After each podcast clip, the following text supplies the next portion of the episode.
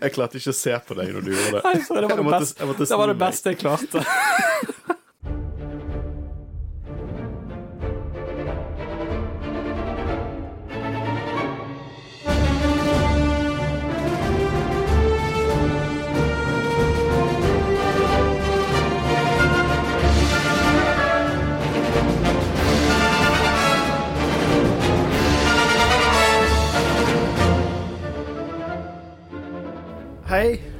Hjertelig velkommen til en liten sommerspesial av Jedi-rådet.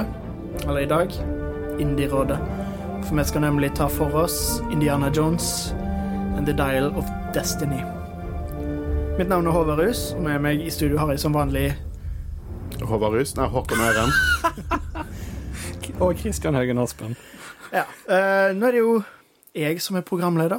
Håkon ville ha en liten sommerferie, så er det jo passende da med at jeg faktisk fullførte en mastergrad i arkeologi i vår. Så jeg er en arkeolog. Jeg synes det er litt mye med den lærjakken og hatten du har på deg, da, men eh, Um, Indiana Jones var jo på en måte en av grunnene til at jeg alltid har likt historie. Um, det var litt morsomt, fordi på introduksjonsmøtet, når jeg først begynte på arkeologi, så var det liksom en av foreleserne da, som sa OK, rekk opp hånda, alle som er her i dag, av Indiana Jones. Det var ganske mange som gjorde det, og de sa sjøl, foreleserne sa sjøl, at ja, mange av oss er også her pga. Indiana Jones. Så det er jo noe Det er jo 40 år gammel filmserie. Det har underholdt flere generasjoner, og det er jo kjempegøy. Ja, det er, det er kult. Uh, så ja, uh, i dag skal vi snakke litt om den nye filmen. Eh, vi kan ikke love når resten kommer, men vi har lyst til å dekke alle filmene som er kommet. eh, litt sporadisk, i hvert fall. ja, sånne små bonuspodder. Eh, og det er jo eh, Dette betyr ikke at vi plutselig kommer til å lage en James Cameron Alien-bonuspod. Indiana Jones og Star Wars er på veldig mange sånn meta søsterprosjekt. Ja, det er jo skapt Lucas av sine George barn. Lucas. Ja. Um, Steven Spielberg har jo regissert alle utenom eh, den siste. Den eh, er jo regissert av James Mangold, som også regisserte Logan. Um, men ja, det har uh, likhetstrekk med Star Wars. Det, har, det er på en måte, som du sa, et søsterprosjekt, nesten. Så da tenkte vi at det er sommer, vi gir oss lov til å snakke om det. Ja, jeg vil spille inn en episode der jeg slapp å ha sånn åtte sider med notater, og dette var perfekt midt i blinken for akkurat det. Så nå har du bare seks? Nei eh, Ser ikke et eneste notat. jo, para- og jeg så telefonen hans i Det er litt notater der.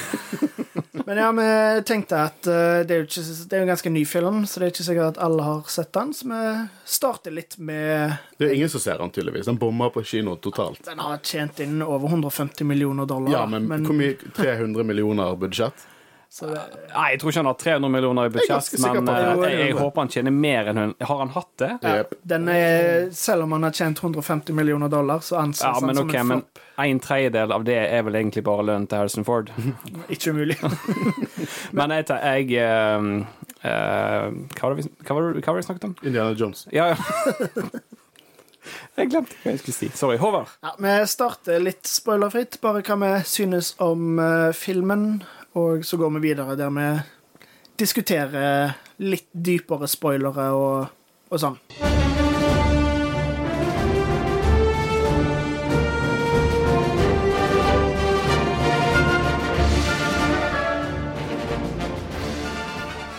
Så Indiana Jones and The Dial of Destiny har jo eh, som sagt ikke kjent inn så mye uh, ennå. Og det har vært litt sånn blanda kritikk og alt mulig sånn. Uh, så hva synes dere om filmen, egentlig? Likte dere den?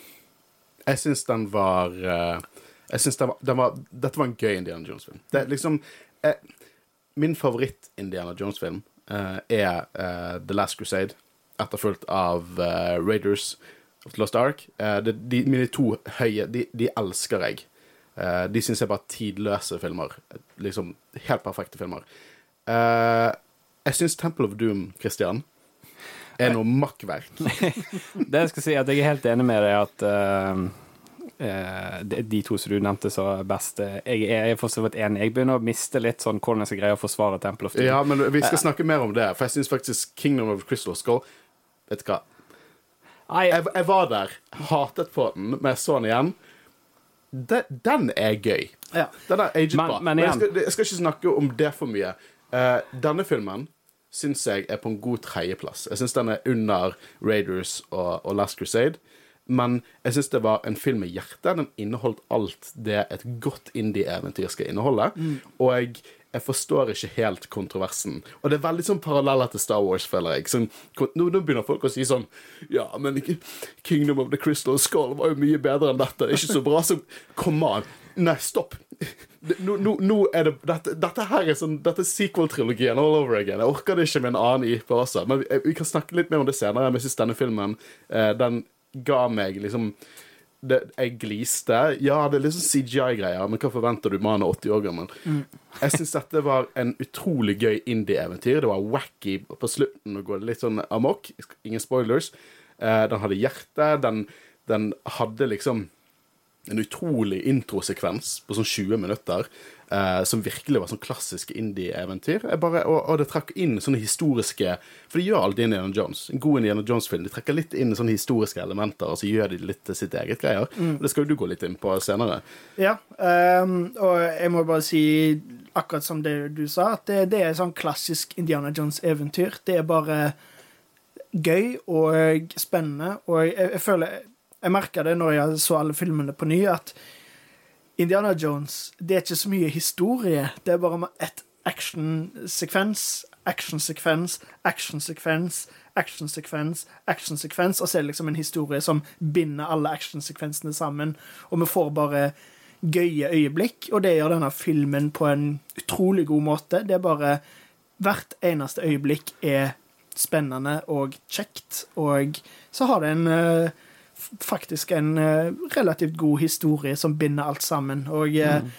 um, Phoebe Waller-Bridge spiller jo uh, guddatteren til Indiana Jones, og eh, jeg synes hun passer perfekt inn som en slags kvinnelig motpart til Indiana Jones. Da en eventyrer som Og veldig Dr. Afra.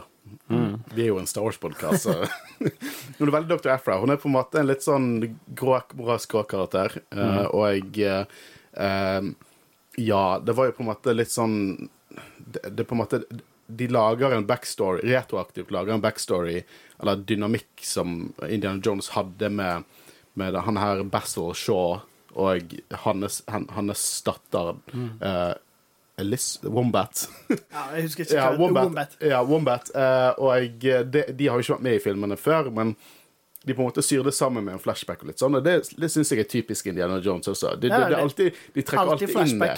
Ja, det er alltid noe sånn Filmen er ikke så opptatt av hva som har kommet før eller etter. Det er superepisodisk, og det er sånn det skal være. Ja. Jeg òg storkoser meg med denne filmen, her, eh, mer enn jeg gjorde med Kingdom of the Crystal Skull. Men hvor jeg plasserer den og Temple Doom, det vet jeg ikke helt, men det får vi ta senere. Yeah. Eh, men jeg er helt enig med deg. Han hadde hjerte, han var morsom. Uh, kjemien mellom karakterene fungerte veldig bra. Det var egentlig en, bare en gøy opplevelse å se den filmen der. Og det er jo én ting som vi faktisk er nødt å snakke om. Hvor gøy er ikke Harrison Ford? Han gjør så lite effort i alle filmene, men han er bare seg sjøl og så gøy å se på. Jeg, vet hva. Har- Harrison Ford er en av mine favorittskuespillere. Og det er ikke det at han nødvendigvis er verdens flinkeste skuespiller. Jeg tror ikke jeg har sett han i en Oscar-verdig Bare føles så naturlig ut, Han gjør liksom. det, men jeg, jeg, sånn, jeg så han i denne filmen, og jeg, han, han skrudde på sjarmen, Mm. liksom. Han, han virkelig har brydd seg om denne rollen. Ja, det er ikke men det- alltid du får, får den følelsen av Harrison Ford når nå når han er litt eldre. Det er ikke alltid han bryr seg, men her var det virkelig oh, Ja. Men det kommer litt an på prosjektet. For jeg har sett han i flere intervjuer tidligere, før denne filmen kom ut, at han ville gjort en ny Indiana Jones-film eh, in a New York Minute, for å sitere han, da. Så han, er, han er, har nok vært dedikert til dette prosjektet veldig lenge, og har til ønske om å gjøre en siste film til. Og han liker jo Indiana Jones-karakteren mye mer enn Han Solo. Ja, Men det- come on, Harrison. Jeg Det er ikke så stor forskjell mellom de to karakterene. jeg har sett et intervju med der han var spurt hvem som skjøt først, og det første svaret han ga, var at I don't give a shit. ja, det er Harrison. Men jeg synes òg de løste på en måte gamle Indiana Jones på en god måte, og det var veldig gøy å på en måte se forskjellen fra de gamle filmene, fordi der, der ser du liksom Han er jo en eventyrer, arkeolog, og så jobber han part-time på et universitet. uh, og i de gamle filmene så ser jeg liksom at uh, de som hører på, de er liksom forelska igjen. Det er jenta som har skrevet 'love you' på eh, øyelokkene og liksom blunker sånn en ser det. Og Gjør, gjør, gjør dere sånne ting på, når dere er litt på forelesning? Ja, ja, ja, hele tida. Men her så er det på en måte Det er jo sikkert fordi han alltid var på eventyr og alt mulig sånn at han var veldig kjent, men her er han på en måte sånn gammel og gretten foreleser som alle synes er kjedelig og skikkelig tørr. og det, det er noe helt annet enn sånn som det var i de gamle filmene. Så jeg synes det var ganske god parallell, da, på en måte, eller en god utvikling, og jeg synes det Mm. Harrison Ford er jo ganske gretten, så det var gøy å se en gretten Indiana Jones i begynnelsen og liksom våkne med kjempehøy musikk, og han bare går Gretten gammel mann. Ja, en Mm. gretten gammel eh, mann som liksom bare Turn that music down! ja, nei, Ja, det, var, det det, det var på en måte ingen selvhøytidelighet, liksom. Han er en gammel mann, og, Mm. og, og historien er jo litt det derre Ja, for det, Om du kan kalle det klisjé. Det er i hvert fall, det hvert fall en veldig typisk eh, trope, det der at liksom eventyrer og han, verden har gått forbi, men han er fortsatt litt stuck i fortiden. Mm. Uh, og jeg syns at uh, de gjorde dette nok Logan-y uten å gå full Logan, fordi Indiana Jones skal fortsatt være gøy. Gøy er liksom det viktigste med Indiana Jones-film, jeg syns at, at denne filmen klarte det med utrolig mange gode skuespillere. Mm. Eh, en sidekick som var utrolig gøy, med eh, Phoebe Waller-Bridger Bridger sin karakter. Bridge. Bridge, Bridge, sin karakter. Eh, mye bedre enn Shia LaBeouf. Phoebe Bridges, Ja. som er en sanger. Men Ja, okay. ganske la- Men mye bedre enn Mutt Williams. Eh, uh, vi snakker mer, uh, mer om det. Og jeg likte veldig godt at dette faktisk er en sequel til Den tar Crystal Skull har skjedd, det Mm. er canon, og dette fortsetter historien. Mm. jeg var litt redd for at de bare skulle ignorere Kingdom. nei, men det, liker jeg at de på en måte refererer til det. For de Ja. refererer både til, til Thean, holdt jeg på å si, sønnen. Og doktor Woller, spilt fabelaktiv av uh, Mats Mikkelsen. Mats Mikkelsen. Mads Mikkelsen. Ja, for at han Å, han er bare så jævla god. Eh, jeg elsket hele den der uh, 1969-nazistene som jobber liksom i, i månerace, og det, det er det er jo sånne ting som er direkte tatt inn fra, fra historien. Nå husker jeg ikke nøyaktig hva han heter, men han som var med å lage den raketten som fikk de på månen. von ja, for, ja, stemmer. Um, han var jo en med SS-offiser og skikkelig nazist, og så tok de jo masse For et vitenskapsmenn. å, trekke- å klare å trekke inn nazister. Ja. I, liksom i, i 1969 ved å liksom par, lage paralleller til hvordan Ja, USA og mange andre England gjorde også, jobbet med nazister. De dreit litt hvor de kom fra, så lenge de kunne gi de noe Mm. Fordi eh, i Kingdom of the Crystal Skull så er det jo russere som er skurkene. Det gir jo mening, fordi nå er de liksom midt i den kalde krigen på 50-tallet og, og sånn. Men det var kjekt med litt sånn god gammeldags Indiana Jones med, der de banka opp nazister. Det, Og jeg ble aldri lei av uh, å se gretne Harrison Ford som Indiana Jones liksom kjefte på nazis. He's a nazi! Og det, er, genialt. Uh, India, uh, Harrison Ford har jo sagt i et intervju der liksom at, at nå er det jo dessverre mm, eh, flere nynazister. Det, det Jeg skjønner ikke hvordan det går an. Etter så mange år etter krigen så er det fortsatt nazister der ute. Og han har sagt at ja, nei, det er bare til å banke dem opp. Ja, De fortjener amen. det. Um, Eller jeg syns også at de har For er Indiana Jones de skal ha McGuffins. McGuffins er ja. viktig. Det er så mange, De mest ikoniske McGuffinsene i filmhistorie er Indiana Jones. Og eh, The Antikythera Mm. er en fantastisk Thank you. Eh, en, eh, Christian klappet over uttalelsen min. Eh, det hadde ikke du klart, hæ? Å jo da. Men jeg syns det er en fantastisk McGuffin, eh, og jeg Det jeg liker veldig godt med Indiana Jones. Og jeg, de fleste, fleste filmene inneholder det, bortsett fra Temple of Doom. Men vi kommer til det når vi dekker Temple of Doom. Eh, det er dette her at det er en McCuffin, det er et mysterium, eh, det er alltid omdekket i myter, og så er det på en måte det å finne ut av de mytene og på en måte gå på dette eventyret. Temple of Doom så bare faller det inn i det. men Men, nok om det. vi er ganske sikker på at uh, Sankara-steinene fra Temple og of Doom ja. det er inspirert av eh, ekte mytologiske steiner. Jeg vet det, men, men det er bare eh, Jeg skjønner hva du mener, at han på en måte faller inn i det. det. bare faller inn i et eventyr. Og så Den filmen er så rasistisk. Men nok om det. Jeg skal holde meg naken fra nå av. Dial of Destiny. Ja, Eh, men eh, ja, du nevnte jo en McGuffin, og det er jo alltid eh, I det minste inspirert av eh, ekte historiske gjenstander, da. Jeg så bilder av den ekte tingen. Den var mye mindre shiny.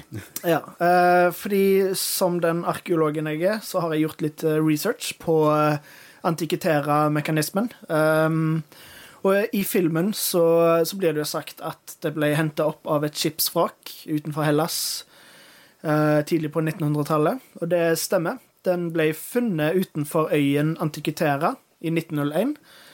Eh, og så ble han identifisert av arkeologen Valerio Steis, som høres ut som et Game of Thrones-navn. Ja. Eh, året etter, da.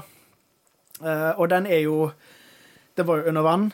Eh, så i filmen så er han jo delt i to. Det er jo på en måte det hele filmen handler om. De har den ene delen, men de må finne den andre halvdelen for å fullføre den.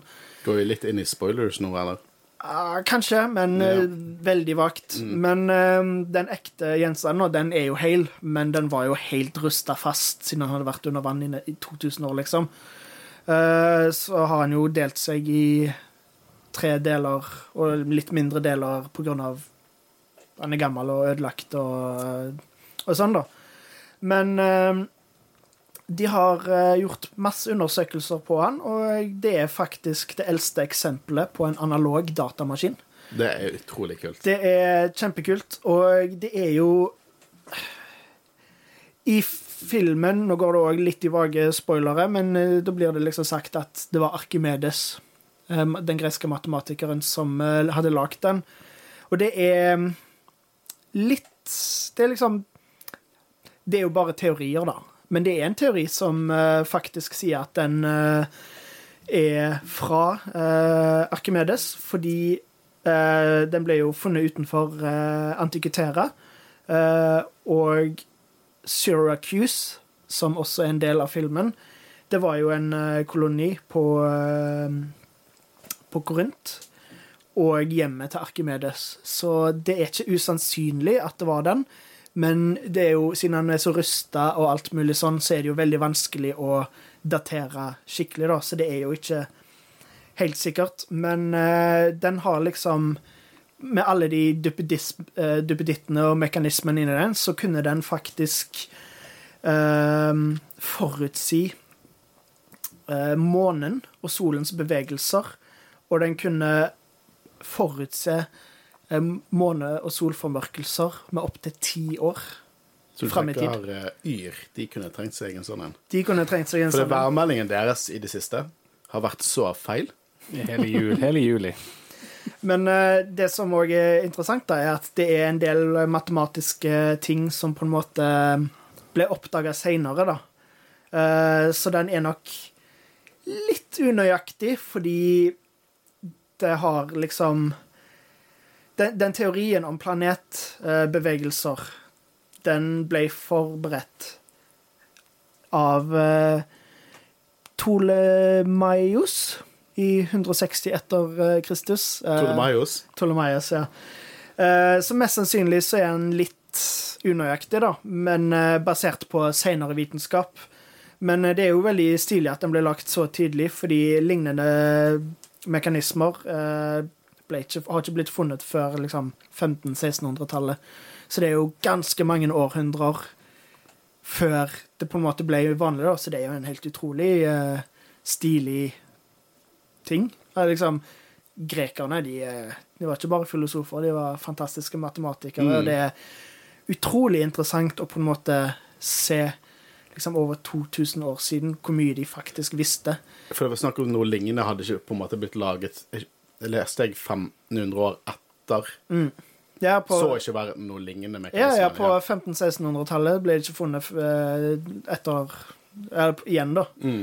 Så eh, det var jo veldig forut sin tid. Så jeg synes det er utrolig kult at de eh, tok med en sånn, og i filmen, som, som vanlig i Indiana Jones, er det veldig mye overnaturlige greier, da. Eh, Så det er jo Det er jo ikke det han gjorde på ekte. Dette men, er også eh, første film der han faktisk er litt åpen for at det er det. For det, liksom, Etter du har sett alle de forskjellige filmene der han alltid er liksom sånn I don't believe Bunch in magic. mumbo jumbo, liksom. Og denne gangen var sånn eh, OK. Men jeg syns det er litt rart, fordi Temple of Doom er jo en prequel, og i Raiders så sier han oh, I don't believe in magic, men noen år før den har handling, så ser han jo en eller annen sånn fyr ta ut et hjerte Kalima. Kalima ta ut et hjerte, og så at han fortsatt lever. Men, og han ble Han fikk noe sånn drikke, så han ble ond. Uh, Ja, men, en men Temple of. Doom refererer jo til noe som ikke har skjedd igjen. Skjedd ennå, liksom. Så. Den skytescenen. Ja, han, han, han skjønte det. Uh, ja. Mm. Men uh, vet du hva, uh, skal vi snart hoppe inn i, i spoilers? Det kan vi godt. Men uh, Før, kan før bare vi gjør det, eh, vi skal ikke ta oss dele litt sånn sosiale medier, gutter. Jo, følg oss. Vær så god, Håkon. Eh, jo, jeg, skal tenker, jeg så- få lov? jeg tenkte du skulle få lov i dag. Åh, det er sånn det føles å være Christian. Eh, vet du hva? Vi er på Spotify, men det fikk du vel sikkert med deg. Men der går det an å rate ting. Eh, vi har 227 ratings nå, eh, som ikke er dårlig. Det er ganske bra, faktisk. Eh, og eh, hvis dere ikke har ratet oss der, kanskje dere kan gjøre det. Det hjelper oss mye. Og vet dere hva som også hjelper oss mye? Hvis dere eh, kommenterer på Spotify-episodene hva dere syns om denne episoden. Vi må jo være litt flinkere, kanskje vi kan legge ut sånn Q&As der. Men kommenter hva dere synes om filmen vi snakker om, eller episoden du hører på. For det hjelper algoritmen, og da vil flere folk eh, vite om oss. Og det er jo bare positivt. Da kan vi etter hvert gjøre den podkasten enda større og bedre, forhåpentligvis. Eh, iTunes, gi oss en rating der. Fem og fem stjerner, det vi liker. Eh, Instagram, da der poster vi masse forskjellige greier. Det har vært litt sånn sommerferiestemning nå. Men eh, følg oss der, interager med oss, send oss eh, spørsmål, konstruktiv kritikk, whatever. Uh, og uh, ja, sosiale medier. Du vet hvor du følger oss. TikTok. Uh, jeg postet en ny video der fra 30-årsdagen min der vi var i Star Wars-kostyme. Der har jeg faktisk en plan. Jeg vet ikke om jeg skal Har du en plan? Jeg har en plan med Fortell TikTok. oss om planen din. da. Fortell om planen. Nei, for at eh, i eh, Var det i fjor? Nei, for, forfjor eller i fjor, så kjøpte meg og Marie eh, eh, sånne Star Wars-kokebøker og dessertbok. Så vi tenkte litt Ja, på om vi skulle det. lage eh, videoer der vi lager disse tingene fra start til ferdig. Sånn liten sånn reel ut av det. Ja, det må du gjøre. Og lage en TikTok-greie ut av det. Hadde, hadde det vært litt kult? Ti av ti. Det hadde vært kjempekult. Jeg vil se det. Eh, og jeg, jeg eh, OK, hvis, hvis dere er litt interessert i, og det syns jeg dere to bør også uh, For vi, vi, vi tre nerdete gutter. Hvis dere hadde sett studio vi sitter i nå, så ja, det er mye nerdeting her inne. Uh, jeg lagde en ny Instagram-profil som jeg kalte var Håkon fra Jedi-rådet. Uh, som jeg bare bruker til å poste alt slags ting som ikke er Star Wars. Jeg fant- Kommer vel mye Warhammer til ja, for jeg har begynt med Warhammer, og jeg, etter å ha postet to ting på, på Jedi-rådet eh, om det sin stories, tenkte jeg sånn Kanskje jeg ikke skal oversvømme Jedi-rådet sin sosiale medier med Warhammer, så jeg startet min egen. Så hvis dere har lyst til å følge meg der, så den er åpen konto, bare følg, og så der kan jeg, komme til å poste litt sånn forskjellige nerdeting jeg gjør. Så anbefaler jeg dere å gjøre det også. Det, er, det er veldig gøy. Så gjør det. Å følge det eller lage konto? Å lage konto. Kristian for Jedi-rådet og Håvard for Jedi-rådet. Det er kjempegøy. Interagere litt. Så det betyr jo også at vi kan få tre nye følgere Ja. på Instagram. uh, men før vi går videre, uh, så har jeg lyst til å snakke litt sånn seriøst. Et uh, alvorlig tema. Vi så filmen Var det 9. juni vi så filmen? Hvilken? Juli. 9. juli. Juni. Søndag 9. juli så vi denne filmen. Klokken ni på KP1 Bergen kino. Skal du det jeg tror du skal nå? Ja, bak oss så satt det en gjeng med tenåringer og snakket hele jævla filmen. Eh, dette skjedde meg når jeg så in Across the Spider-Verse, kongefilm det også, eh, uken før. Og det skjedde når jeg så Dungeon and Dragons. Det skjedde når jeg så The Last Duel. Det skjedde når jeg så The Green Knight. Jeg kan ikke huske sist gang jeg var på kino uten at det var noen tenåringer bak meg som snakket. Og det, det hvis, hvis tilfeldigvis noen av dere som var der, som snakket hører på Jedi-rådet, ikke gjør det der. Bare kom an. Liksom, kinoer er ikke en sosial begivenhet. Vet du hvordan du gjør det til en sosial begivenhet?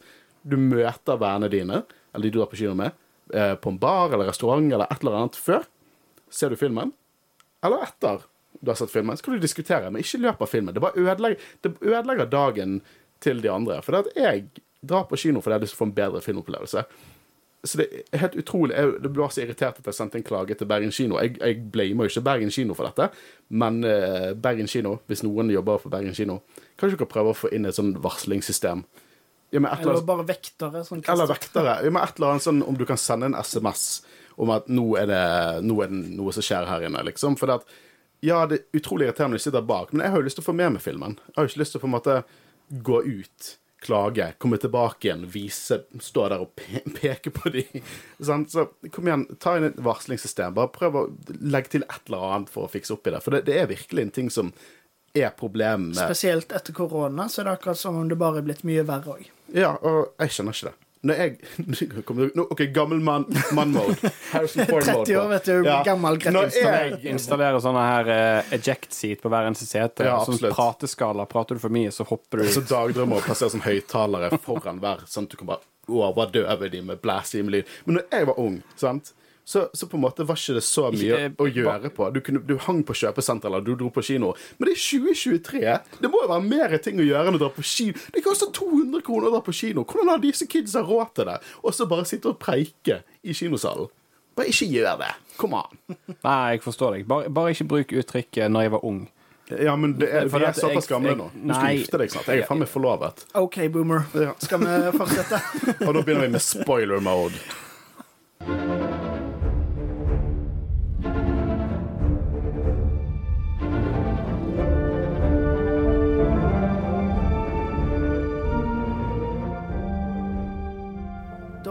Fortsetter med å gå litt mer i detalj i eh, spoilere. Og eh, hvis dere ikke har sett filmen, så kan dere høre oss snakke, eller dere kan sette på pause, se den og høre videre når dere har sett den. Men vi kommer i hvert fall til og se å han. Gå på kino og se gå, gå på kino og se den. Og, eh, Og ikke sn- snakk høyt i kinosalen. Men uh, vi kan jo begynne med begynnelsen, da. Fordi den, det er jo en uh, flashback der de har uh, liksom de-aga Harrison Ford. Eh, Men, med relativt bra resultat. Det er bedre enn Mando sesong to, men dårligere enn Book of Bobafett. de-aged Harrison, men med gammel Harrison sin stemme. Ja, det var Eh, Vet du hva? Um, jeg eh, Jeg er ikke så plaget av CGI. Sånn, så, sånn dårlig CGI Det skal ikke mye til for at jeg bare sånn aksepterer det og så er jeg for universet. Det, det tar ikke meg nødvendigvis ut av filmen. Uh, de gjorde det i slutten av Mando sesong to. Eh, dessverre, men jeg har lært å leve med det nå. Uh, men den, dette her var veldig sånn yeah! Jeg har sett betraktelig mye bedre. Eh, og det var enkelte shots der det var sånn hva er denne CGI-zombie Harrison Ford går rundt der. Og Guro satt ved siden av meg, hun begynte faktisk å le.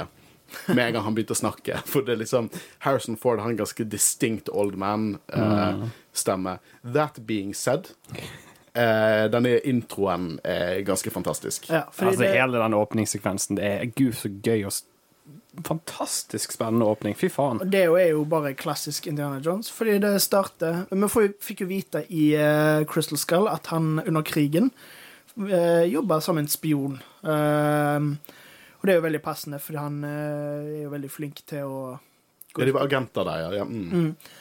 Um, så da er han undercover som en uh, i nazi-uniform, og så er han på et eller annet slott for å finne et eller annet. Det er en lanse. Det er en, en, en ny McGuffin. Den lansen har jo vært med i så mange filmer. Den lansen, er Hva er det? Lon, Ja. Longinus sin, sin lanse som Pierce, ja, den som uh, drepte Jesus, eller den som liksom stakk Jesus når Ja. han hang på korset. Den identisk Jeg har ikke researchet den ekte artifakten, hvis det er en ekte artifakt, men den har vært med i sånn Supernatural og alt, og det er alltid det samme designet. Ja, jeg føler um, det er vel en sånn en typisk sånn kristen myte, liksom akkurat som det er sikkert tusen kirker rundt om i verden som påstår at de har en flis fra korset til Jesus, liksom. Så det, det er nok eh, sikkert inspirert av en ekte artefakt, men sikkert ikke helt sånn. Men eh, det er i hvert fall det han er på jakt etter, da, og så er han, sammen med Basil Shaw, han er jo eh, gjem, Toby Jones. Mm, Gjemt seg i skogen, og så er Indiana Jones inne der og er blitt tatt til fange. Ehm, og han eh, Og så får vi jo vite, fordi den, den borgen er jo under bombardement fra de allierte, så de skal ta Det er liksom tusenvis av eh, historiske artefakter der som de skal flytte over på et tog, sånn at Hitler kan få det. Og det er jo basert For det Hitler var jo så desperat at han liksom Det kan jo hende at dette her eh, overnaturlige faktisk har noe for seg. Så han, han sendte jo eh, enkelte agenter til Egypt og liksom skulle finne fullt av sånne artefakter og sånn. Eh, og eh, Indiana Jones, han klarer jo eh, selvfølgelig å rømme. Jeg syns det var utrolig gøy, for det var liksom en bombe som kom inn i huset, og så bare sto han i gulvet uten å sprenge, og alle så på han liksom Shit, hva er dette? og så til slutt så sprengte han, og ja, Nei, det, det var bare en gøy actionsekvens, og han uh, kjører bil og kommer seg til slutt på det toget, da, og uh, finner den lansen, men det han også finner, er hva Skal jeg si det igjen? Ja. Uh, det antithikera. ja, fordi uh, Mats var den feil? Kan si det en gang til? An, det antithikera. Det antithikera. Antitykere. Antithikera. Jeg tror det er sant. Ja. Men i hvert fall eh, Mats Mikkelsen, eh, doktor uh, han heter Doktor Voller. Doktor Voller. Han er også på toget, og han har Antikitera og um, Basil Shaw. Han har jo gjort mye undersøkelser på den, og han liksom, med en gang han finner den av Dr. Waller, så liksom Wow, det er Antikitera!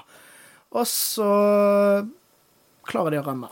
Jeg synes det som er gøy her La oss først snakke om Thomas Kretschmann. For hvis du trenger en person til å spille en nazist, så ringer du Thomas Kretschmann. Han spiller alltid nazister i alt. Han spilte i Der Untergang, og han spiller i alle amerikanske produksjoner, så spiller han nazist. Eh, jeg synes alltid han er underholdende mm. i rollene sine. Han spiller aldri sånne store roller, men alltid underholdende. Han var med i Age of Ultron. Og sånn, Never surrender. I am going to surrender. Den sekvensen der. Ja, det er han, ja. Ja, og jeg, han spiller Col uh, Colonel Weber. uh, og han er der sendt fra Hit uh, Hitler for å finne denne her, eh, dette spydet. da. Eh, og jeg, dr. Woller, Mads Mikkelsen sin karakter, han sier sånn Ja, men dette er en fake, men denne antitikeren, den er mye mer spesiell. Eh, og så er det sånn, da sier han sånn å ja, så du vil jeg skal gå til Hitler og si sånn eh, Vi fant ikke denne tingen du ba oss om å hente. Her er den andre tingen som du ikke har hørt om. Og så sier han Har du noen gang møtt Hitler? eh, og det likte sånn Når du først ser Indy løpe på toget, og du ser shotet der det, Ja, det er litt sånn CGI-heavy og sånn, men du ser han løpe på toget, og John Williams sitt briljante soundtrack kicker inn. Ja, At vi ikke har nevnt det ennå. John Williams, eh, back from retirement, og har lagt eh, siste Indiana Jones-soundtrack, og gjør litt sånn som du nevnte jo det, at det føltes litt som sequel-trilogien. At det på en måte tar veldig mange temaer fra de gamle filmene og gjenbruker det, og det føles både nytt, men òg veldig klassisk. Ja. Så, eh, det, han, han har en sånn distinct sound fra når du, hvilke æraer han har laget filmer. Han er veldig sånn den moderne, moderne æraen for psykotrilogien. Sånn, jeg- kjenner det på en måte igjen. Ikke det at det er psykotrilogimusikk, men du bare, de har liksom de samme tonene, eller notene, whatever. Men jeg, jeg syns den sekvensen var uh, fantastisk, og spesielt når, når sånn Indie går inn i den der uh, food court-vognen og bare går gjennom og setter seg ned og later som han er en del av folkene, de ser at han har et, et kulehull foran og bak på uniformen sin. Det er sånn klassisk indie-eventyr, og jeg synes at det var ganske briljant å ha et ganske lang sekvens, for det er sånn 20 minutter lang eller noe sånt, i begynnelsen der det er klassisk Indiana Jones-action. Uh, for det er ikke det vi får i resten av filmen. Jo, det er ganske mye klassisk Indiana Jones, men han er en gammel mann, sant? Og, og tematikken i denne filmen er jo på en måte å bli gammel og alt dette her. Så at de fikk ut av systemet sitt her er noe klassisk indie-action i begynnelsen av filmen, det på en måte gjør at pakken blir mer komplett, da, i min mening. Ehm, og slutten av den sekvensen er jo det at uh, de allierte bomber en bro, uh, sånn at toget krasjer. Og uh, de hopper av toget og ned i en elv, og de slipper unna sammen med antikitera-mekanismen. Og så plutselig er vi i år 1969. Indiana Jones er gammel, gretten og en uh, kjedelig foreleser. Han bruker en sånn overhead. Og uh, i forelesningen da, så, så snakker han jo litt om Archimedes og uh, Syracuse og det slaget når romerne invaderte alt mulig sånn. Og så er det ei, ei dame som kommer inn og kan veldig mye om dette. Eh, men han ikke kjenner igjen før hun møter han på en bar etterpå, og da finner vi ut at det er guddatteren hans er dattera til Basil Shaw. Ja, jeg må finne ut hva hun heter. Jeg, trodde du hadde notater. eh. Jeg har bare arkeologiske notater. Helena, Helena Shaw, Shaw, ja. aka Wombat. Ehm, og da Ja, hun forteller jo da at uh, hun er på jakt etter antikviterer, og de De drar for å finne det fordi uh, Basil har jo sagt at han ødela den fordi det var for farlig, rett og slett, hvis den kom i galne Indie hender. har vel sagt at han ødela den for Basil. Uh, nei, det var vel sånn at Basil hadde sagt at den var ødelagt, så hun trodde den var ødelagt. Men så, var han, så viste han til slutt Uansett, eh, jeg husker ikke detaljene. Detaljer. Den var ikke ødelagt allikevel. Indiana Jones hadde den. eh, og vi får jo også se agenter eh, til eh, Voller, eller som han heter i Amerika, Dr. Schmidt. Det er så tydelig. Dr. Schmidt. Um, uh, han det, det er jo på en måte For vi, vi hopper litt over det, men han blir truffet i hodet av et jævla skilt mens han henger på siden av et tog. Og kommer tilbake med et sånt fint eh, James Bond-arr på siden av hodet. Eh, og det, vet du hva, det går fint. Hoppe ut av et eh, fly i en gummibåt. Overleve atombombe i kjøleskapet. Vet den siste er ganske kontroversiell. Uh, men uh, ja, det, det, det, det, det er sånne klisjeer som fungerer så godt i Indiana Jones. Ja, jeg har ikke noe sånn Hvordan overlevde han, men Nei, who cares, liksom? Ja, det er bare ja, det, det, Det- det det er ikke meg De trodde han var død, men han er ikke død. Og de Ja. understreker rimelig godt Det- det var- at han fortsatt er nazist. Ja, for det, det var ikke noe jeg tenkte på etter filmen. Hvorfor han overlevde, liksom. Men det, det var ikke noe jeg brydde meg om. Ja, eh, og han er jo, eh, siden han var en veldig viktig stor del av månelandingen, og det er jo Denne dagen er det jo en sånn en stor parade, fordi månelandingen er ferdig, og astronautene er kommet tilbake. og får vite at uh, han har et lite samarbeid med CIA, men han har også sine egne agenter. Og de går inn eh, på universitetet og uh, finner Indiana Jones, og de er typiske nazister og bad guys. De dreper uskyldige, og det er Veldig mange uskyldige som dør i denne filmen. Mm. Er mer enn det har vært liksom, i andre Indiana Jones-filmer. Så veldig mye uskyldige Så ler jeg meg sier det. Mye uskyldige dør. Uh, det, så den, den, på en måte, den er litt sånn vold, Det er en voldelig Indiana Jones-film. Den er relativt mørk, på en måte.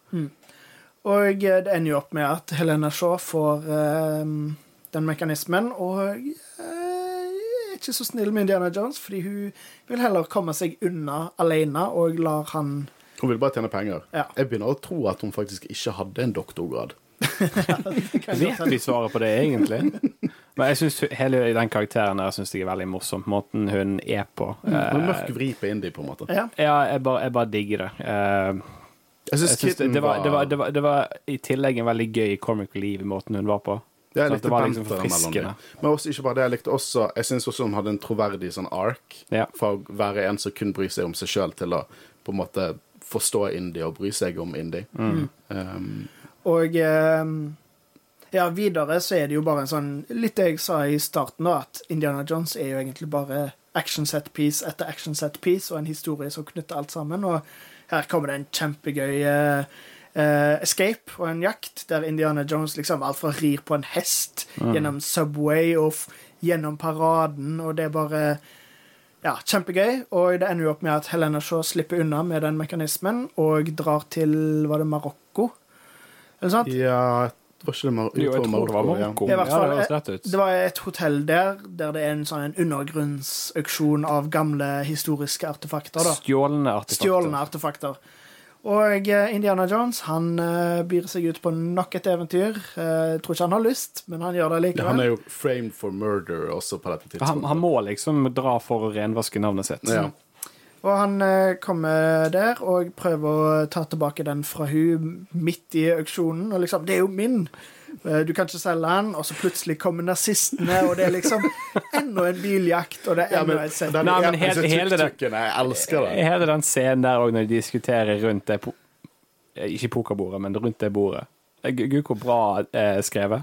Ja, eh, eh, men eh, seriøst, eh, James Mangold kan shitet sitt, ass. For dette er en utrolig fin film. Ja. Som, eh, det jeg synes med sånn Crystal Skull, den er litt for shiny. Eh, ikke noe disrespect til Steven Spielberg, men den er litt for shiny. den, er litt sånn såpeopera. Ja, den her bærer eh, veldig preg av på en måte akkurat de samme feilene som sequel-filmen gjorde. At du merker den forskjellen fra de gamle filmene og praktiske effekter til at de på en måte Å ja, nå kan vi bruke CGI, og så bruker de det litt for mye. Det føler jeg ikke de gjorde her. Eh, det gjorde de i Crystal Skull. Det er liksom det som gjør den så goofy, fordi det er vel Liker ikke apene. Ah, akkurat det er jeg ikke så fan av, men det er på en måte Det er veldig likt. Crystal Skull er veldig likt de gamle filmene, men de bruker CGI istedenfor, og da får det liksom en litt annen følelse enn de gjorde originalt. Jeg er ikke uenig. Men gud hvor mye jeg lo av akkurat den scenen der. Spesielt når han tar frem pisken og pisker til. Og får back off, sier han liksom, og så kommer de alle fram med, med hver sin pistol. Det er snakk om å smake på sin egen medisin. He? Ah, Utrolig gøy callback. Oh, jeg elsket den scenen. Men jeg tror at min favoritt-chase er den tuk-tuk-scenen. Jeg det i paraden er også dritfett, men tuk-tuk-scenen Ja, det, den, var, den var top notch. Ja, Ja. elsket Og det det. er så mye sånn visuell humor, sånn som når de kjørte gjennom en sånn en liten, eh, liten gate, og så den bilen som kjørte etter de, Ja. uh, bare krasja og sånn. Og, og jeg glemte jo å nevne det, men det er jo enda en del av denne chasen, fordi ikke bare bli, chaser de uh, nazistene, men de blir også jaga av Eksforloven. Ja. til Helena. Og, som Som er blir- mafiasønn. det, det er goofy, men det er kjempegøy, og Ja, det, det, det med, Vi har jo i eh, Star Wars òg, så sliter vi jo litt å snakke om actionsekvenser, for det er liksom bare Nei, det- Å, det var så kult, og masse eksplosjoner og sånn. Og det, Men, det er litt men det, samme. det, det er liksom Bra det, du kan si, på en måte. Ja, det er bra gjennomført. Det, det, er gøy, det er underholdende, og eh, jeg syns de nailet akkurat de scenene der. Og eh, de har jo også den boken. Det er jo selvfølgelig alltid en bok. I Last Crusade så var det jo boken til Henry Jones, faren til Indiana Jones. Nå er det boken til uh, Basil, som uh, Helena har uh, memorisert. Må kanskje snakke litt om uh, eh, Short, Ja. short round 2.0. Ja, fordi hun har sin egen short round. Jeg likte den, jeg. Jeg synes det er Jeg husker ikke navnet hans. Nei, ikke Jeg var utrolig lite investert i hvordan det gikk med den kiden, men han irriterte meg ikke, så arbeidet. Mm. Ingen slår short round. Nei, det gjør det ikke. Jeg er ikke glad i Temple of Doom, men jeg er veldig glad i short round. Men eh, ja, uh, ut ifra den, eh, den notatboken, da, så viser det seg Nå husker jeg ikke nø nøyaktig hva det heter, men det var en eller sånn tablet der lokasjonen til den andre halvdelen av antikvitera-mekanismen var, da. Fordi eh, den ble jo funnet på en båt, og da spekulerer de at eh, den tableten med lokasjonen til den andre, den også var i den båten, fordi den hadde brukket i to og var lenger nede. Så da møter de eh, en gammel venn av eh, Indiana Jones, som en ny karakter, eh, spilt av Antonio Banderas. Han var dykker. ikke så stor skuespiller som jeg trodde han var. Jeg har alltid hatt inntrykk av at han er kjempestor skuespiller, men han er så vidt med. Han var stor. Det var sånn kanskje- 90-tallet, liksom. Ja. Men jeg syns han gjorde en god jobb som eh, altså- spanske dykkeren. Han har jo spilt i Puss in Boots. Å, vet du hva? Puss in Boots. Det er jo Det er toeren. Holy shit, det var en film. Ah, det var sånn Into the Spider-Verse-nivå. Hvor bra den filmen var. Og så har han vel vært innom flere ting i de siste årene. Ja, Men, men storhetstiden, ja. Altså, kom an. Sorrow! Ja, det er en kongefilm. Liksom, det er på skala med sånn 99 The Mummy, liksom. Det er dope. Elsker det. Mm, småspioner. Ah, Spy Kids. Som er canon til Machete. Ja.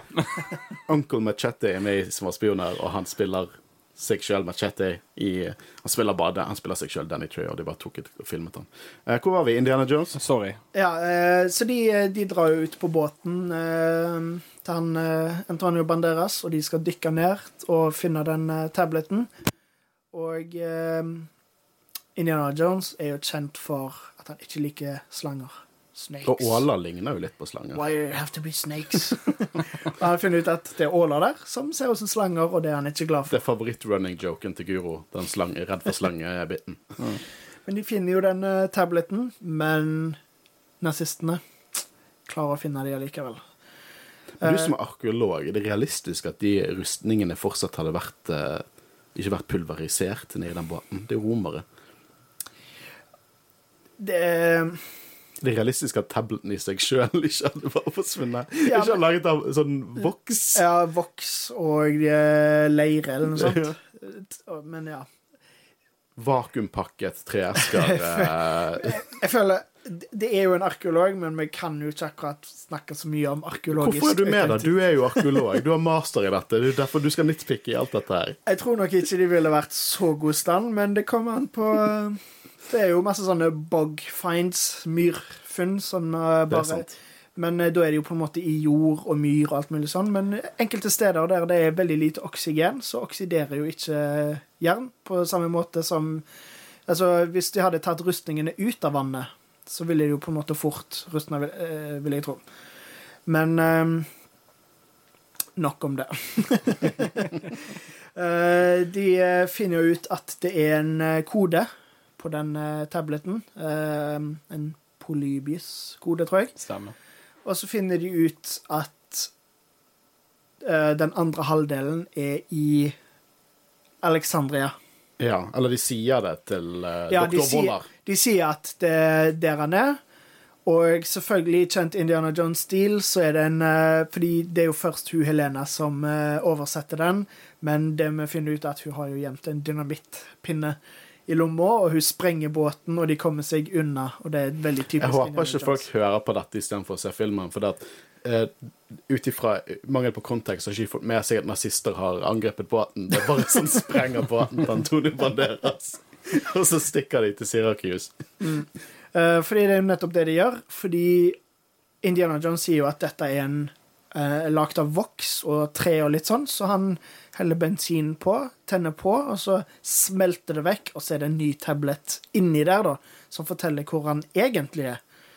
Og det var i Syracuse. Men er det på båtsekvensen før alt dette vi får høre litt hva som har skjedd? For at vi får, har fått, jeg liker veldig godt hvordan de har gjort det. Jeg så noen kritiserte at så IGN kritiserte de. Men mm, IGN. De kritiserte om at liksom, å, det, det er ingen sånn De bare glanser over backstoryen til Indy, hva som filmen. De gjør jo ikke det i det hele tatt. I begynnelsen så ser vi skilsmissepapirene til Marion og Indy. Og jeg, så ser, eh, sier noen å ha mistet sønnen sin. Og så nå får vi eh, en veldig flott sekvens der Indy snakker litt om hva han på en måte At verden har gått videre. Eh, de snakker om dette Kan denne tingen faktisk gjøre at vi kan reise i tid? Eh, hvis det er mulighet, kanskje nazistene får tak i det. Det er jo hele motivasjonen til nazistene. sant? Og vi får høre det at, eh, at uh, Mutt Williams, altså sønnen til Indy, han døde i det antar jeg Vietnam. Eh, og eh, de foreldrene taklet ikke sorgen, så eh, de tok rett og slett og skulle skille seg. Og, da, og det får veldig hjerteskjærende. Utrolig godt spilt av Indiana Jones. Nei. ja, godt spilt av Indy. eh, Godt spilt av Harrison Ford. Og du får på en måte Det tror jeg er første humpen de må gjennom. For det, du får, jeg får liksom inntrykk av at Helena er sånn bitter. Sånn, 'Jeg mistet min far. Han ble gal av alt dette her.' Og du skulle være gudfaren. Hva er det gudfedre gjør nå eh, når noe skjer med faren? Så Indy har ikke vært der for, eh, for henne, og hun på en måte forstår han mer ut ifra denne scenen. Og jeg, jeg syns det er liksom Ingen likte Matt, Matt Williams. Seriøst, ingen likte han. Ingen likte Shia Buff i den rollen. Jeg, jeg vet de prøvde å tease nå skal han overta rollen. Ikke faen. Han skal ikke være ny Indy. Men jeg setter jo pris på Cannon, og at det er konsekvenser til ting som har skjedd tidligere. Og at han døde offscreen, går helt fint. Jeg liker motivasjonene til Indy. Jeg liker liksom det at av alt han kunne gjøre som historiker, arkeolog, kunne gjøre hvis han hadde hatt denne her makten til å gå tilbake i en tid. Han hadde, han hadde forklart til sin sønn hva som hadde skjedd, og hva det hadde gjort med han og Marion.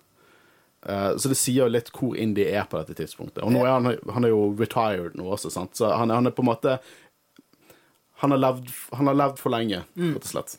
Og jeg syns det var et veldig fint øyeblikk òg, fordi det er jo alltid Det er jo en veldig gøy film, men jeg syns det var veldig kult når de på en måte Det, var litt sånn Hva skal jeg si Trist dramatikk, på en måte, og det, det ble gjort på en god måte òg. Og det, det passet veldig fint at uh, Mutt Williams var død, siden ingen likte ham. Uh, så jeg, jeg likte veldig godt på en måte hvordan de behandla gamle Indiana Jones og alt han hadde opplevd. Eh, og ja, som sagt, eh, de fant jo det tabletten inni tabletten, og de drar til Syracuse, men nazistene har, de har et hemmelig nazistvåpen, en kikkert. Så de ser at de drar ikke til Alexandria, men til Syracuse. Ja, de burde zigzagge. De burde først at øst og så vest. Uh, de kommer der, de drar Jeg syns det var veldig gøy, fordi i uh, Indiana Jones er det jo ofte sånne gamle templer liksom inni en jungel, eller liksom Som er helt utenfor rekkevidde til vanlige folk. Men her var det bare en sånn turistfelle med sånn gamle ruiner og en hule, og de bare gikk inn der. Um, og eh, nazistene følger etter. Og Tatt uh, kiden også. Mm.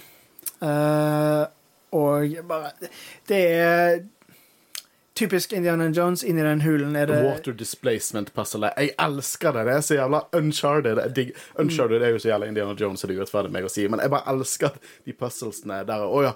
Og Archimedes var veldig opptatt av sånn water displacement, så vi må gjøre dette for å komme oss vekk fra liksom, metangassen. Det er- så klassisk Indiana Jones. Elsker det. Uh, og alle insektene også. Ja. Kjempegøy. Uh, ja, digget det. Det føles Kjempegøy. bare ut som en eh, klassisk Indiana Jones. Og eh, de finner til slutt graven til Archimedes, der de også finner den uh, the, the Dial, andre halvdel av uh, The Dial of Destiny. Antikvitera-mekanismen. Men de ser også at han har på hånda en klokke. Og det var ikke oppfunnet, og ikke en, heller, i hvert fall ikke klokker som er på armen. Og så ser de en Phoenix med propeller inngravert i graven. Så det er sånn Å, det er så jævlig gøy. Jeg elsker det. Det er så kult. Jeg digger det. Å, det er så indie. Skikkelig, skikkelig gøy. Skikkelig gøy. Uh, Nazistene kommer, de stjeler antikvitera-mekanismen, så nå har de hele. De stikker av. Har Eh, alle uniformene sine klar. ja, gamle uniformer. De drar til en flyplass, og selvfølgelig følger Indiana Jones og Helena og han India har vel blitt tatt av de. Han hadde blitt tatt, Ja. selvfølgelig. Eh, men Helena og han gutten følger etter. Og de drar i et stort fly, og han gutten flyr et lite fly. Og hele greia med den mekanismen da er at ikke bare så kunne den se liksom måneformørkelser og sånn vær og sånn. Den kunne forutse eh, Hva de kalte det? Time Temporal shifts. Liksom Ja. et eller annet sånn bullshit. Tidshull. Et tidshull som de kan fly gjennom, og Waller, dr. Waller, har jo regnet ut at uh, ved å fly inn i den, så kom han Var det i 1939 eller 1940 eller noe sånt? 1939, ja. Eh, så da er planen at de skal reise til eh, Tyskland, og så skal nazistene vinne krigen. Ja, For de skal drepe De skal drepe Hitler. Hitler. Drepe Ja. Hitler, og så skal han på en måte ta makten, fordi han, nå vet han hvordan han kan vinne krigen, og For hva er det han sier at uh, Tyskland tapte ikke krigen, Hitler tapte krigen. Han, Mm. han blamer Hitler for alle valgene, og at han kunne, han kunne være en bedre leder. Ja, det var det han sa helt i starten, på Mm. hotellet han var på. Når han virkelig understrekte hvor nazistisk han var. Ja, ja det, det var skikkelig sånn Her kan jeg skrive under på at jeg er nazist. Uh, Men Indiana Jones, han er jo smart, og han Jeg husker ikke nøyaktig hva det var, men det er jo litt det jeg snakket om, at eh, Kontinentdrift. Ja, Kontinentaldrift. Ja, kontinentaldrift. mm. Og det er jo litt det jeg snakket om, at den mekanismen ikke er så nøyaktig uh, på grunn av at det var enkelte matematiske ting og liksom planeter og sånn som de ikke visste om. Eh, så derfor så vet de ikke hvor eh, de kommer ut. Og så da vil jo Voller For han innser jo at det stemmer. De vet ikke om det, de er, om det er nøyaktig. Så han vil avbryte, men det er for seint. De flyr igjennom, og de kommer ut til uh, utenfor Sicilia. Eh, og de ser Å nei, det er jo i 1940, for her ser vi jo et sjøslag, og det er eksplosjoner og sånn. Jeg lo med en gang jeg så at det var tiremer. Ja. Det var sånn, okay. Fordi når de kommer nærmere, så ser vi at det er ikke moderne krigsskip. Det er gamle krigsskip. Men hva synes dere om det? For jeg kan tenke meg at det er kontroversielt. Det er time travel, liksom. Å, jeg digger det. Um, det var jo um, i hvert fall rykter, jeg vet ikke om det faktisk ble like, men det var rykter om at det kom til å være en sånn tidsreise. Jeg var litt skeptisk til det, fordi det kan fort bli en klisjé. Jeg var redd for at det skulle være sånn endgame. Og Avengers Endgame er dope, og det fungerer i det universet, men jeg var litt redd for at det var sånn Mm. Indie er bak en stein mens jeg ser Indie og Kalima. Liksom det, ja. Men eh, ja, eh, så de er jo på Arkimedes sin tid, da. eh, under slaget av Syracuse. Men, men Håvard, du som er arkite arkitekt, arkeolog, reagerte ikke du litt på at de går med eh, eh, liksom Imperial Gallica-hjelmer og ikke Bella Fortino, som var litt mer passende for sånn 250 år før Kristus? Who gives a shit? Okay? Det, er, det er gøy å se, se romere og liksom Alltid gøy å se romere. Um, Og de tror det er drager. Ja, det, var, det var veldig gøy. Og eh, Arkimedes ser jo disse dragene, og det er gøy fordi um, romerne tror at det er Arkimedes sine drager, og Arkimedes tror det er romerne sine drager. Og eh, Jeg leste jo litt om dette slaget. Da, han, brukte, det jo, han hadde masse oppfinnelser som de brukte i slaget. Mm. Ja, sånn noe de sånn skip med- med sånne store tårn. Og, ja, masse speil som de eh, brukte solen, og så kunne de liksom lyse på skip sånn at det begynte å brenne, og masse sånn. Arkimedes døde vel i slutten av det slaget. Det husker jeg ikke. Uh, sier Wikipedia, i hvert fall. Mm. Ja, dessverre. Ja. Spoiler for Arkimedes. Uh, men ja, jeg syns det var kjempegøy. Jeg liste hele det, det, er så, det er så over the top, men jeg, jeg, jeg virkelig elsket det. Jeg syns det var kjempegøy.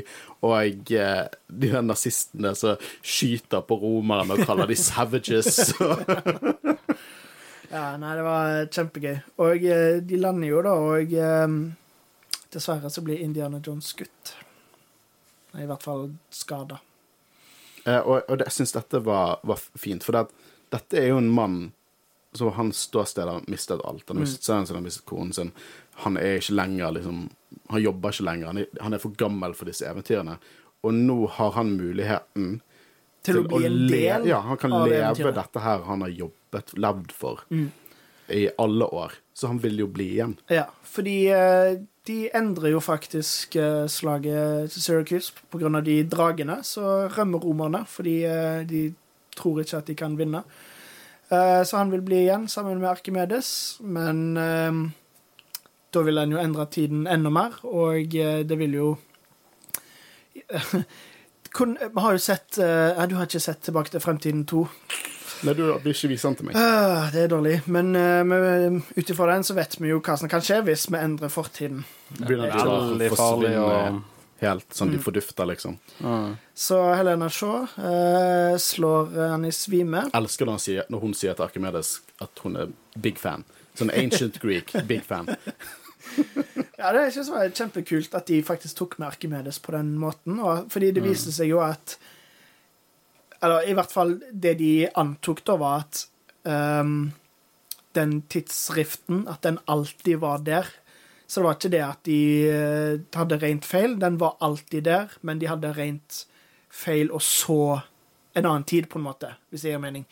Så det var liksom det at Arkimedes lagde den for at han kunne få hjelp fra framtiden. Jeg tror det var det de spekulerte med. Ja, for det er på en måte Ja, for at han på en måte var arkitekten for at han visste Eller han lagde den her for at han skulle få hjelp, eller at de skulle få hjelp for å stoppe romerne fra å angripe dem. Og det, det, det klarte han jo. Ja. Det skal du si.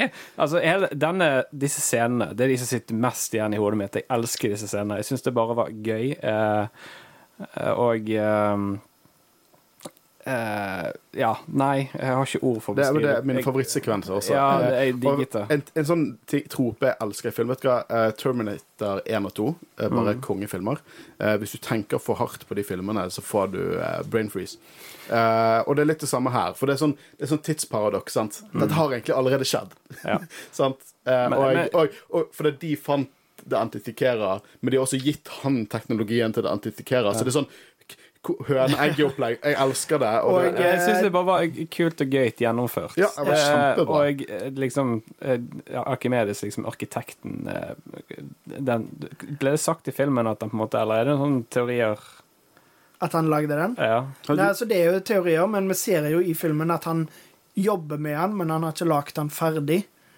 Uh, så han Og så ser han jo når de lander, at liksom Oi, se her! Her er, jo, her er han jo! Men han Nei, nei, ja, nå, nå, tenkte, nå tenkte jeg mer på det faktum at han laget den spesifikt for at noen skulle komme og hjelpe dem. Ja, I, i, I filmen. ja, jeg føler de sa det i filmen. ja, de sa det, om- sant? det var i hvert fall den, eh, eh, det de spekulerte i, da. Ja. Eh, De moderne folkene som reiste tilbake. For det, det, den, den kjøper jeg. Mm. Og vi ser jo at uh, Voller, som er død nå uh, At Arkimedes tar klokka hans. Så sånn han fikk klokka. Så det er jo, er jo den den tidsparadoksen at han allerede hadde klokka før de reiste tilbake i tid. Så det er jo sånn at dette I sånne tidsreiser så, så er jo det Det betyr at det som har skjedd, alltid vil skje på en måte. At det er en Ja, at det er fast bestemt. Så det er ikke sånn at han hadde klokka etter de hadde, at de fant han etter de hadde reist tilbake i tid, men det hadde allerede skjedd, på en måte. Jeg syns det var stilig.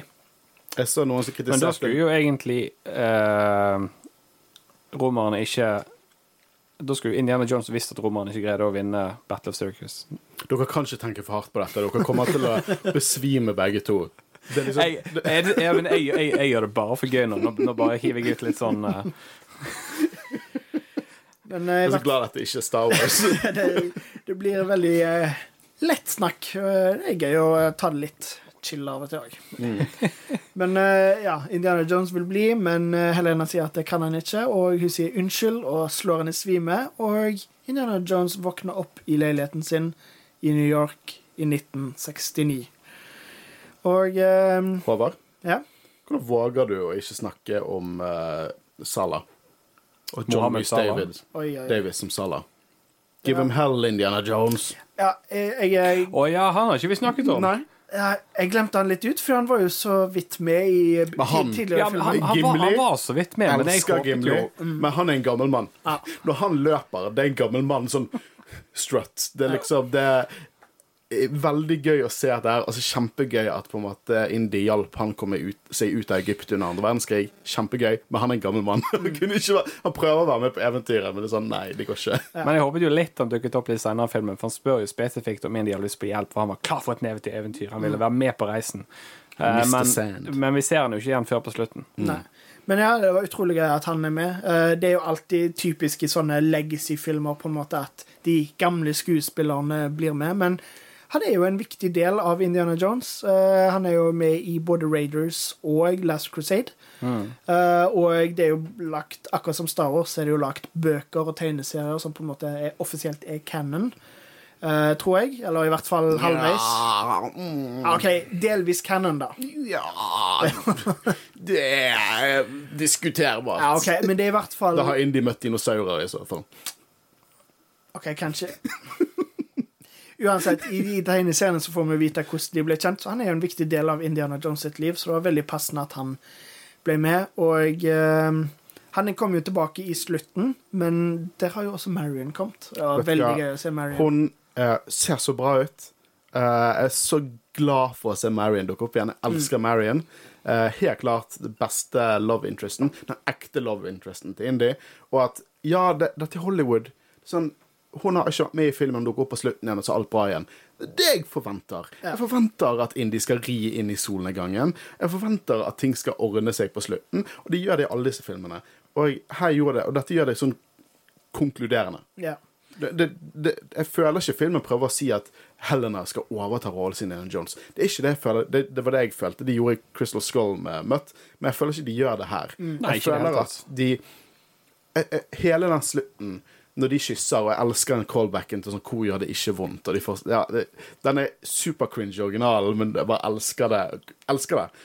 Og jeg, hvordan de avslutter med at, eh, at de penner ut. Der henger hatten på kroken, og de zoomer Jo, inn. men- Han tar, og så tar han hatten så filmen er ferdig. Det er sånn Nei, dette, han er fortsatt Indiana Jones. Det, han skal ikke på flere eventyr nødvendigvis, men det er bare én Indiana Jones. Og det er derfor Ja, for det var, det, forklarte det var jo det som skjedde i Kingdom of Crystal Skull. Der var det jo Shirley Buss sin karakter. Jeg husker ikke navnet på den karakteren. Noen? Mutt Williams. Matt, oh, OK, sorry.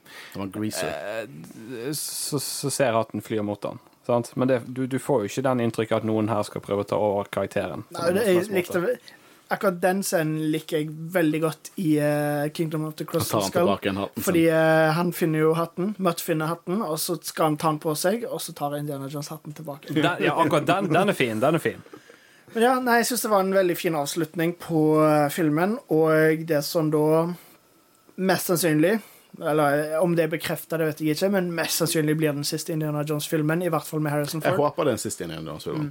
Jeg syns det er en passende avslutning. Veldig Så- passende For avslutning. det, jeg, jeg, er ikke, jeg er ikke blant de som er sånn Å, Disney de voldtar barndommen vår med å lage en ny Indiana Jones-film, og det er bare CGI og livløst og sånn corporate shit. Bare sånn, hvis du tar de tilbake og gjør det bra, så har ikke noe å si på hvorfor de tok de tilbake.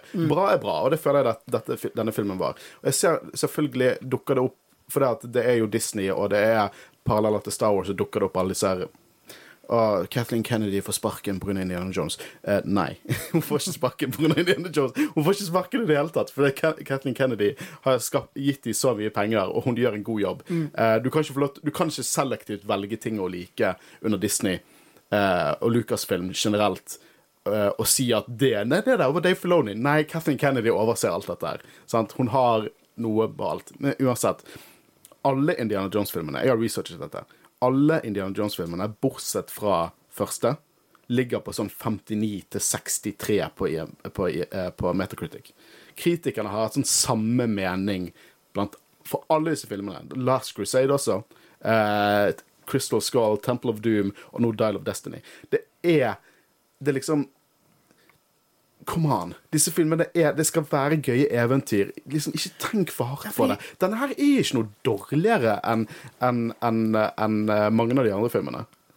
Det, den er ikke det. Det er en kvalitetsfilm. Og ja, du kan tenke at nå lei, og nå må du la Indiana Jones dø. Men jeg føler de tok det at nå var liksom Nå, nå eventyret hans ferdig, og de, jo, jo, de ga oss den. Og til og med Harrison Ford ville spille inn denne filmen. Dette, dette var fans som lagde det. Var ikke en kynisk film at all. Nei, det, altså mest sannsynlig Det er jo sånn filmbransjen fungerer. Filmen ble nok lagd for å tjene penger. Men det føles ikke sånn ut. Det føles ut som de har kjærlighet til serien, og de behandler karakteren, alle karakterene, med respekt. Og jeg føler de har lagd en verdig Indiana Jones-film, og jeg storkoste meg. Jeg gleder meg til å se den igjen. Mm. Eh, Jeg syns det. Eh, Jeg syns det var en fortreffelig film. Eh, Den har den beste movieposteren mm. laget Ja. på sikkert 20 år. Det var den vi så når vi gikk inn uh, før, før salen. Ja. Tegn, håndtegnet, Ja. klassisk. Jeg er så sykt glad. Vet du hva, Hollywood fokuserer mer på movie posters. For det at Hvorfor i helvete Når du skal se en, en, en, en Spiderman-film, hvorfor ser du bare trynet til Tom Holland? Jeg har litt lyst til å ha den på veggen. Ja, jeg har lyst til å ha den på veggen. Den ser helt konge ut. Ja. Jeg syns at det var ikke en eneste stinker av skuespill. Ja, det var litt CGI-greier, og ja, jeg kan skjønne at folk savner på en måte det der fysiske og praktiske som var originalfilmene, men det er vanskelig å gjøre hvis ikke Tom Cruise spiller Indiana Jones. Uh, da den eneste gangen du kunne fått indie som hopper faktisk fra en bil til en bil, eller henger ut fra et fly, eller whatever. Det er ikke sånn det fungerer nå. Det, det, det, er liksom take it or leave it. Du har fortsatt de gamle filmene der, Uh, og en ting Nå kommer jeg til å pisse off folk. Sidekick Håkon er annerledes enn host Håkon. Prøv å ikke hate meg. Kan vi avslutte dette kollektive minnet om at Temple of Doom er en god film? Det er, så, det er bare sånn, det er en del av den originale trilogien. Så det, Temple of Doom er ikke en god film. Den er latterlig rasistisk. Der du, har, du har sidekarakteren, eh, konen til Steven Spielberg, som er bare så ræv dårlig karakter. Den filmen er så lite OK, sorry, i min mening. Ba- ba- Men det, i min mening er den så lite Indiana Jonesy. Så det er sånn, dette er en ikonisk IP. Og det er egentlig bare to i, i denne filmserien som er sånn latterlig bra. Above average, i min mening. Som er Raiders og Last Crusade. Tingen er at det virker som om Fordi det er jo George Lucas. Han har jo ikke skrevet noen av manusene, men han har skrevet storyen, og så har han fått andre folk til å skrive. Og det føles ut som om eh, Temple of Doom gjorde akkurat det samme som, India, nei, som um, Empire Strikes Back i Star Wars. At det er en mye, et mye mørkere kapittel og forteller en sånn helt annen historie. Og det fungerte utmerket i Star Wars. Men i Indiana Jones, som er inspirert av sånne gamle 50-tallsromaner og TV-serier, liksom akkurat som det er mye Flash Pulp, liksom. Ja, ja, det, det er jo mye Flash Gordon i Star Wars og sånn. Det er liksom de, den de- eventyrerpulpen som er på en måte equivalent til Flash Gordon med Star Wars, er jo akkurat med Indiana Jones. Og det skal være gøy, så jeg føler at det mørke fungerte ikke like bra i Indiana Jones-serien som i Star Wars. Nei, det- Nå skal vi jo dekke alle filmene. Nå har dere fått en veldig fin tease til hvordan Temple of Doom kommer til å bli.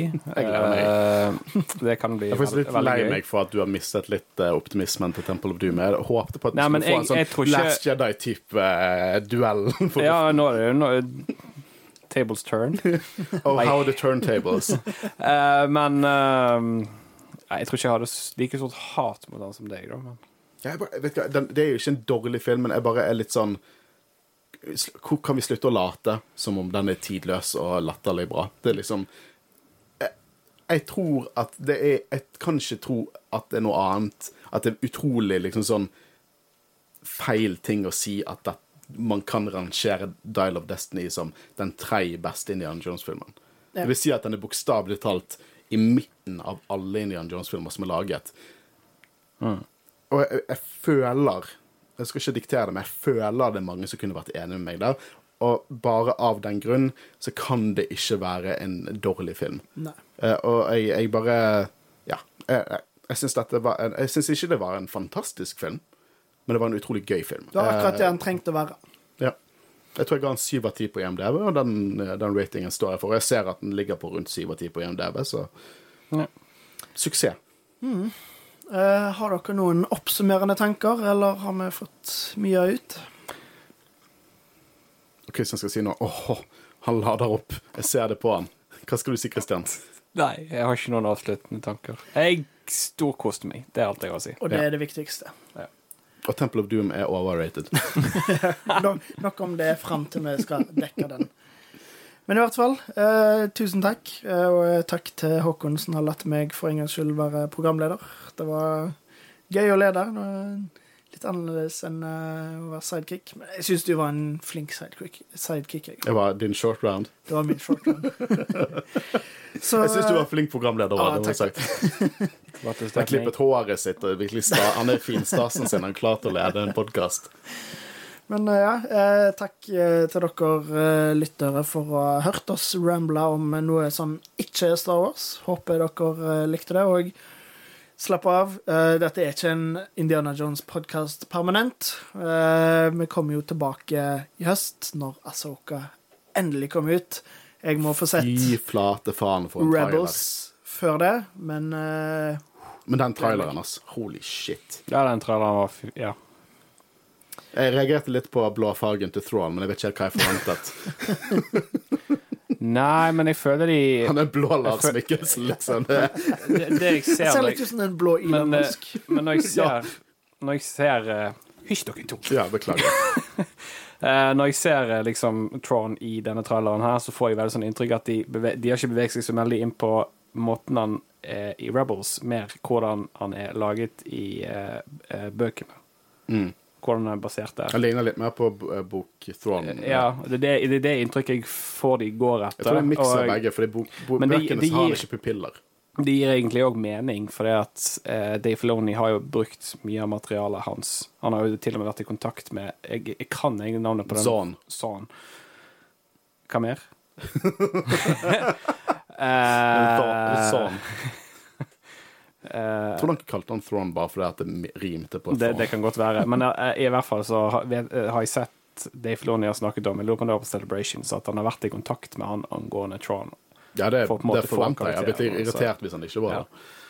Men nå kan du finne Beklager. Hva var det, hvor var du? Du skulle kutte oss av? Eh, nei, egentlig bare avslutte denne podkasten. Og ja, som sagt, takk til dere lyttere som har hørt oss snakke om det.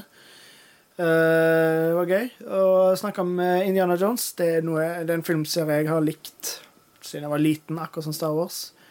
Det er jo ikke like stort univers på samme måte, så det er jo en litt annen type fandom, men jeg elsker de filmene for det om. Eh, så det var gøy å snakke om det. Og ellers så vil jeg bare ønske alle en fortsatt god sommer. Håper dere har der dere er, litt, dere litt bedre vær enn her i Bergen. Men vi har i hvert fall god tid til å se på Star Wars og Indiana Jones og sånne ting. Jeg maler Warhammer, jeg. Ha det bra. Ha det bra.